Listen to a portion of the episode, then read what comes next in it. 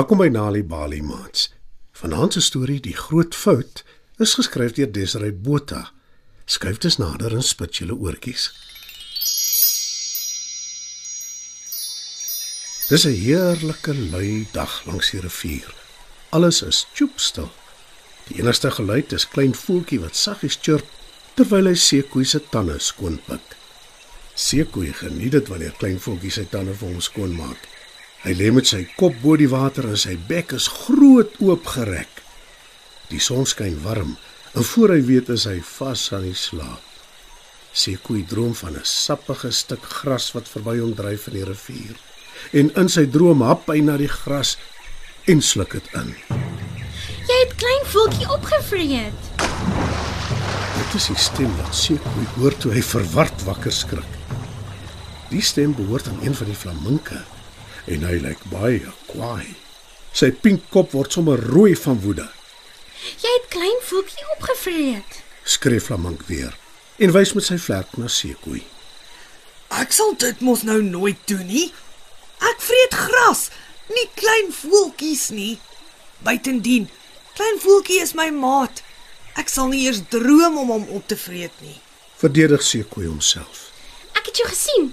Hy was besig om jou tande skoon te maak toe jy hom insluk. Sê flamink. En toe onthou Seekoei sy droom. En nou is hy bang. Het hy nie dalk sy vriend per ongeluk ingesluk nie wonder hy.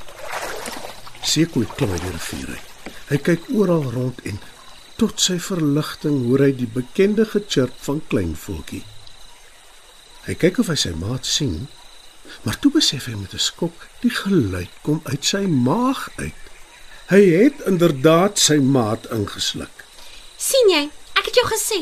Jy het klein voeltjie ingesluk. Sê flamink weer 'n slag. Ek ek het nie bedoel om dit te doen nie. Ons moet hom red. Ons moet hom uit my maag uitkry. roep Sekoe ontsteld. Teen die tyd het al die diere wat naby die rivier bly al nuuskierig nader gestaan om te hoor wat aangaan. En hulle begin almal planne beraam om klein voeltjie te red. Stuur klein visse in jou maag in. Dan kan hulle klein voeltjie uitlei uit jou maag uit. sê Apie. Maar toe die visse dit hoor, swem hulle vinnig weg. Anders kan een van Lief se tande vat en jou maag oopsny en klein voeltjie. Maar Sekoe dink glad nie dis so 'n goeie idee nie. Wat anders kan ons doen? Klein voeltjie kan nie vir altyd in my maag bly nie. sê Sekoe. Maar hy kan aan geen oplossing dink nie. Miskien moet hy tog maar dat leeu se tand sy maag oopsny om klein voeltjie uit te haal. Hy wil net instem daartoe toe die wyse ou uil tot sy redding kom.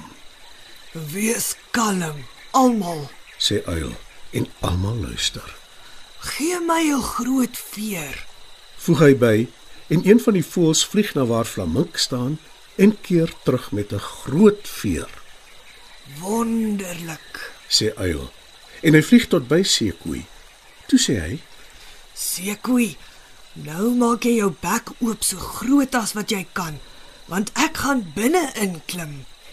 Nee, nee, moenie dit doen nie. Hy gaan jou ook opvreet. "Waarsku Apie," Ag, bly tog net stil. antwoord uil ongeduldig. Maar vir Sekoe fluister hy sag. Moenie eers daaraan dink om my te wil vreet nie. En moenie jou bek toemaak terwyl ek binne in is nie. Toe klim uil binne in Sekoe se groot bek met die groot vreesaanjaende tande en hy begin Sekoe se keel kielie met die veer.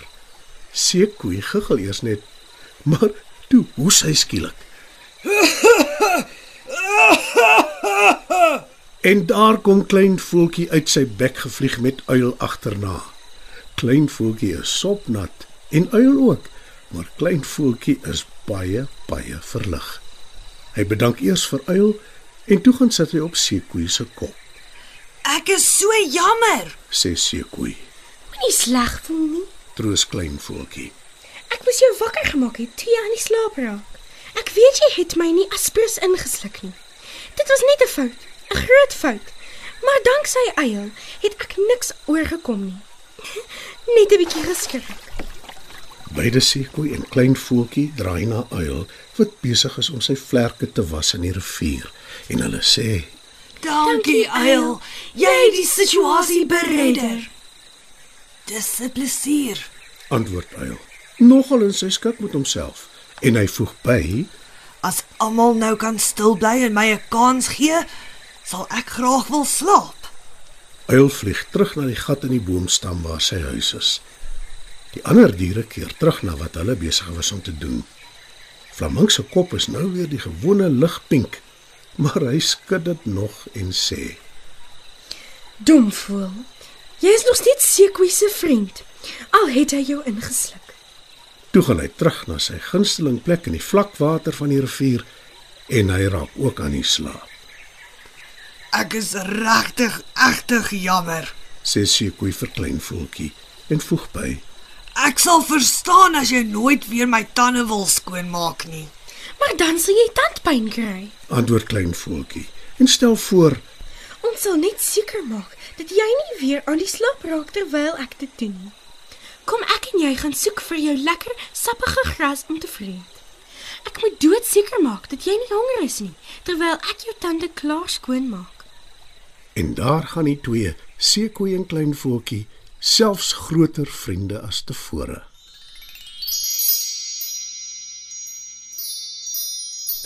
Mat, dit was nog 'n aanbieding van Nali Bali storietyd. Die titel van vanaand se storie was Die Groot Fout, geskryf deur Desrey Botha.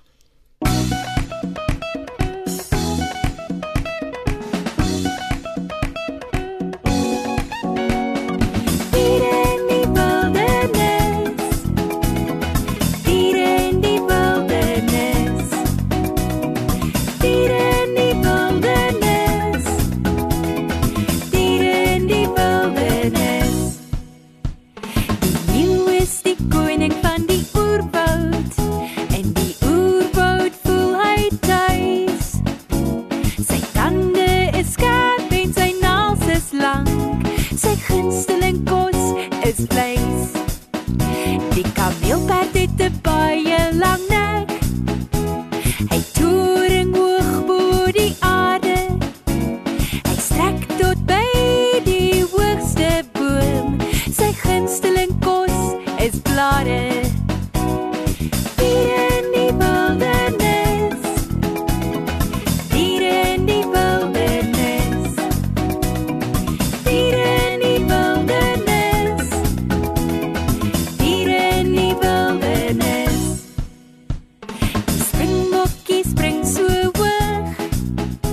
Hy spring die hele dag rond.